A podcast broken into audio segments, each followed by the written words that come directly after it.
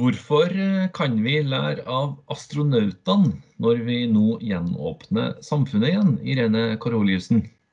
Jo, det er jo fordi at astronauter har så utrolig god erfaring i å leve isolert og komme tilbake til samfunnet når de kommer tilbake.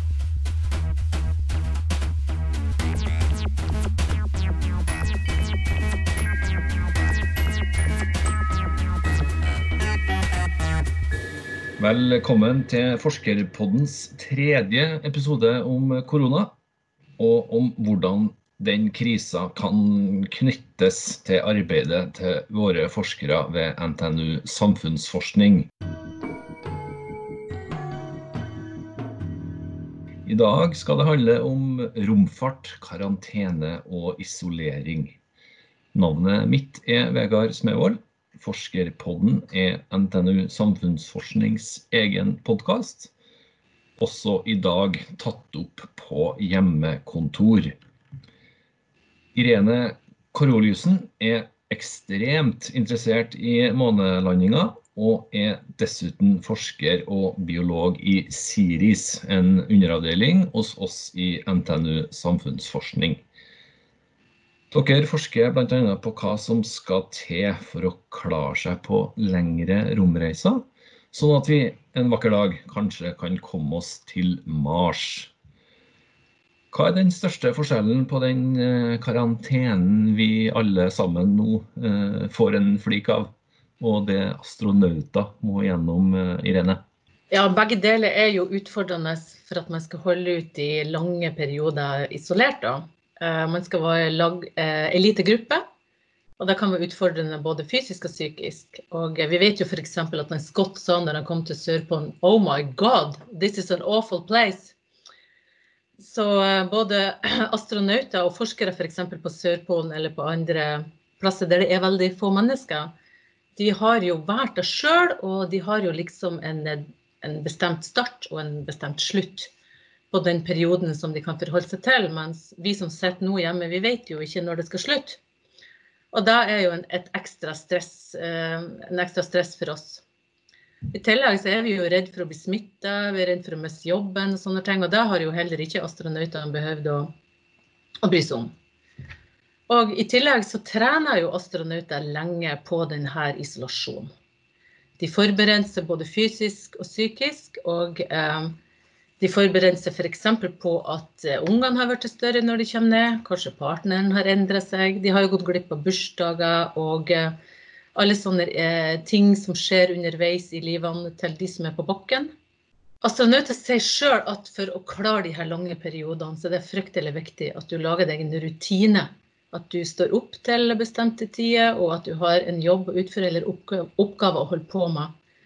Det er òg viktig at man ikke fokuserer på slutten så mye. At man eh, Vi andre her vi vet jo ikke når slutten er, men at man liksom tar litt dag for dag, da. Og så er det viktig at man òg eh, prøver i hvert fall å få litt tid for seg sjøl. For det er veldig lett å føle seg både overvåka og at det kan bli litt sånn klaustrofobisk når du er en liten familie i lag over så veldig lang tid. En annen ting som astronauter har, er jo at de har jo et kjempestort team på bakken som hjelper dem på alle mulige måter. Og det har jo kanskje ikke vi som sitter isolert.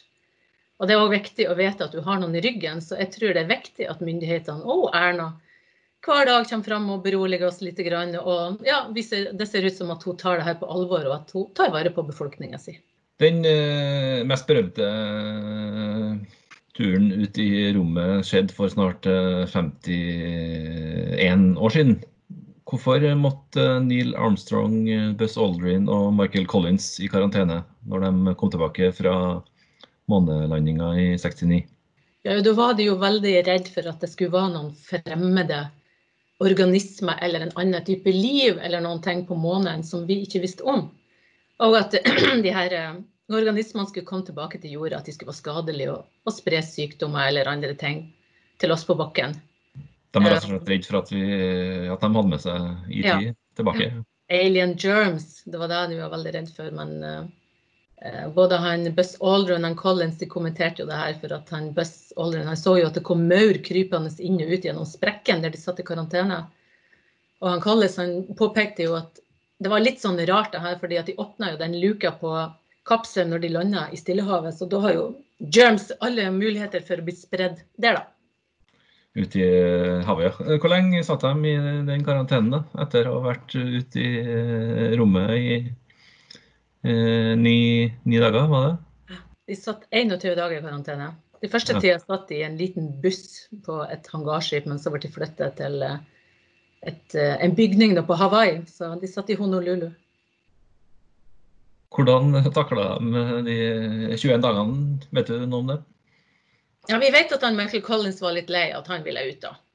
Og eh, De uh, satt jo sammen med en tekniker og en doktor som skulle gjøre ja, undersøkte underveis da om de var skada ut av det her oppholdet de hadde på månen. Så, eller så satt de og skrev rapporter, de hadde sikkert tilgang på en TV, men jeg tror nok at det sikkert var ganske utfordrende sammenlignet med i dag, når vi kan har Netflix og vi har liksom tusen ting vi kan se på og underholde oss sjøl med i denne perioden. da. Så det ble langsomt til dem, tror du? Det tror jeg, ja.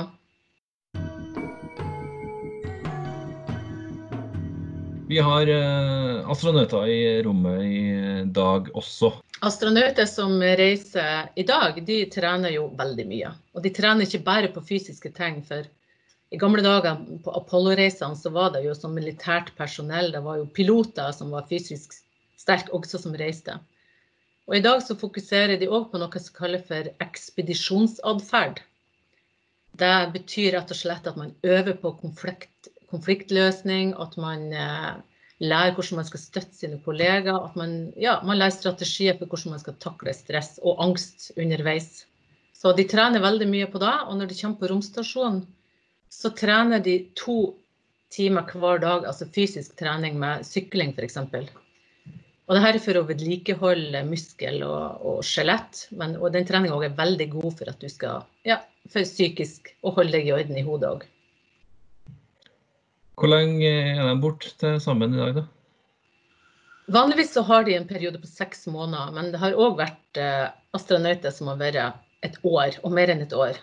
Det er en russisk astronaut, nei, kosmonaut, heter det, som har eh, 14 måneders opphold på Mir, og det er rekorden. Og det var i 94-95. Mm. Hvordan går det med han i dag? Jo, det går nok sikkert bra, men de får jo skader. Det vet vi.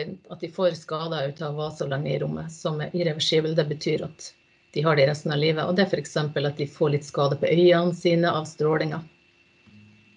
Mm. 14 måneder ute i eh, rommet, sier du. Må de også i karantene når de er tilbake? Da?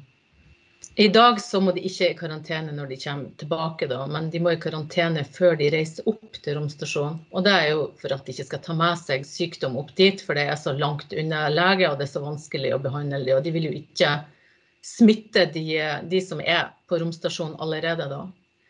Mm. Du bør ikke dra oppover med en uh, gryende influensa, med andre ord? Nei, det er ikke lov. Så da er de i karantene først, for å være uh, sikker på at de er sykdomsfri. Mm. Eh, så de er ikke like redd for å ta med seg sykdommer tilbake i dag? Nei, det er de ikke. Er det fordi at den romstasjonen er såpass innkapsla at uh... Ja, den er jo det mest uh, isolerte vi har, menneskeheten har. Det er jo 400 mil opp i verdensrommet sirkulerer den jo rundt jorda, så den det er jo absolutt ingenting som kommer seg inn dit. Mm. Hvis vi skulle ha landa på månen igjen, da, eh, hadde det blitt karantene etterpå da? Eh, nei, det tror jeg ikke. Jeg tror at nå vet vi ganske mye om månen. og Vi har jo tatt ned 23 kilo med månestein som vi undersøkte. Og vi har jo eh, på en måte funnet ut at det ikke er liv på månen, da, at den er død. Sånn rent biologisk sett. Det er ikke noe maur å ta med seg tilbake Nei, jeg tror, jeg tror, det er lite maur på mannen. er det, Fins det noen sånn uh, astronauttips da, til oss nå, vanlige folk under denne krisa, til hvordan vi sjøl skal takle mye innetilværelse? Nei, det er jo det her å prøve å ha rutiner og komme seg opp uh, om morgenen og uh, ha oppgaver å holde på med. Eh, det er òg veldig viktig å fokusere på de tingene man eh, kan gjøre. Istedenfor å fokusere på de tingene man ikke kan gjøre. Det er òg noe jeg vet astronauter er opptatt av. at uh, Hvis du sitter og grubler på at 'å nei, nå får jeg ikke gjøre sånn og sånn', så bare bidrar det til at humøret går ned, da. Så Du bør ikke tenke på den bursdagen du nei. i dag egentlig skulle vært i? Nei, ikke tenke på den sydenturen som gikk i dunken. Da. Bare fokusere på at du kanskje kan få en like bra ferie en annen plass, eller kanskje en like bra ting kan skje, da. Hvordan har du sjøl takla å sitte mye hjem for tida, da? Jo, jeg syns faktisk det har vært greit. Det er jo veldig praktisk å ha kontoret bare ei trapp opp på loftet. Men eh, det har ikke vært så veldig ergonomiske omgivelser, så jeg måtte faktisk hente stolen min fra jobb for å, for å holde ut. Også, I tillegg har jeg gått veldig mye tur. Jeg har vært ute og spasert Eh, hver eneste dag, så jeg har samla opp 25 eh, mil på denne perioden. Vi er vel flere som har uh, gått mer tur enn vi noen gang har gjort før. Ja. Mm. Uh, har din fascinasjon og interesse for uh, astronautliv hjulpet deg nå de dagene her, da, tror du? Ja, det føler jeg kanskje at det har gjort. Og det, det her med at man fokuserer på de tingene som man kan gjøre og ikke de tingene som man ikke kan gjøre. Det har nok hjulpet meg at jeg har blitt mer rolig, at jeg ikke har latt meg stresse opp, at jeg ikke alle de tingene som har vært umulig å gjøre. Så hmm. mm. Hva med dine kolleger i Siris? Eh, er det like lett å være operativ for dere eh, når dere er spredt og sitter hjemme? Ja, vi har jo hatt eh, hjemmekontor eh, alle sammen, og noen få har jo vært på laben innimellom og jobba med sterke restriksjoner. Så vi har jo eh, jobba ganske bra, men selvfølgelig er det jo en god del ting som har vært utsatt og forsinka. Og ikke minst med at ja, skole og barnehage har vært stengt. Så, og i tillegg har jo våre partnere rundt om i Europa og hatt hjemmekontor og blitt stengt. Så det er, jo, det, har, det er, jo, noen ting som er forsinka, det er jo helt klart. Så, det er noen av deres kolleger som har eh, også kommunikasjon med romstasjonene. Er det, er det, noe som er mulig å gjøre hjemmefra, eller må de på jobben? Ja, kommunikasjon med romstasjonen, da må du faktisk inn på jobben. Da, da, da kan du ikke sitte hjemme. Så det er nødt til å bli gjort operativt. da. Mm. Fordi det er så store systemer, eller? Ja, det blir så store systemer, og det er jo så mye sikkerhet og brannmurer rundt det at det, man, det, får man ikke lov til å gjøre fra hjemmekontor. Nei, det er ikke lov heller, nei. Vi må ta med et par ting til før vi gir oss i dag. Eh, Erik Tandberg gikk bort i helga, eh, 87 år eh, gammel. Hva har han betydd for eh, din interesse for eh, romfart? Jeg vil si at Erik Tandberg har betydd veldig mye for min interesse. Han var en bauta i romfart. og eh, altså Hans bidrag til folkeopplysninga om romfart er jo bare rett og slett enorm. Og han har jo fulgt eh, hele Fra starten av, vil jeg si, har han jo vært journalist under Gemini og Apollo-reisene, men siden òg har han jo gitt masse, masse tilbake til oss. Og eh, måten han har formidla det på òg har veldig, gjort det veldig spennende. Og eh, jeg har møtt han flere ganger og hørt på han, og det har vært veldig inspirerende for meg. Mm. Det er trist at han er borte. Hvor gammel var du eh, sjøl i juli 69? Ja, da var jeg jo bare ett år, så jeg fikk jo ikke med meg det da. Så det var jo veldig, veldig synd. Men eh, jeg har jo fått med meg veldig mye annet spennende innen, innen eh, romfart etterpå. Mm. Hva er det neste store som skjer på det, på det, feltet her? Sånn verdenssammenheng? I verdenssammenheng så vil jeg jo si at det er den nye romstasjonen som heter Lunar Gateway, som er den neste store som er rett og slett en romstasjon som skal gå rundt månen, og som eh, det er de samme partnerne som har eh, den internasjonale romstasjonen. De har nå gått sammen for å bygge en ny romstasjon som skal gå rundt månen.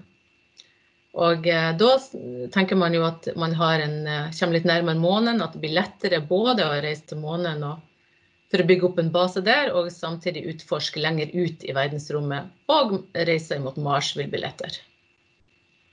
Når er den klar, da, sa du? De, de, begynte å bygge nå, så jeg er ikke helt sikker på når de tenker at de første delene skal bli skutt opp. Men i midten nå i 2025 kanskje er vi i gang. I tillegg så har vi en veldig spennende ting som skal skje den 27. mai. Og det er SpaceX som skal for første gang sende astronauter opp med raketten sin til romstasjonen. Og det, de har bare sendt opp utstyr til nå, så det blir veldig spennende å følge med det. Hva med SpaceX? SpaceX er jo Elon Musk og eh, hans team, som har eh, gjort en fantastisk jobb med å utvikle nye typer raketter som både kan launch og land og alt mulig. Så det her er superspennende. Og det er med en teknologi som uh, er noen steg foran den uh, vi har hørt om fra 60- og 70-tallet? Ja, helt klart. Det her, det her er mye mer, mye mer teknologisk utvikla enn, enn, de, enn de Saturn-rakettene som tok Neil Armstrong til månen. Når uh, samfunnet åpner opp litt mer igjen, Irene, hva er det du gleder deg mest til å gjøre igjen? Oh, jeg gleder meg så til å få møte kollegaene og vennene mine. Familien min som jeg ikke har sett. Jeg gleder meg til å gå ut, ta meg en øl på solsiden og bare kose meg i sola. Vi får håpe det blir sånn om ikke så lenge. Takk til Irene Koroliussen. Du har hørt på Forskerpodden, som er laga av NTNU Samfunnsforskning. Navnet mitt er Vegard Smevold, og vi høres nok fra hjemmekontoret også neste gang.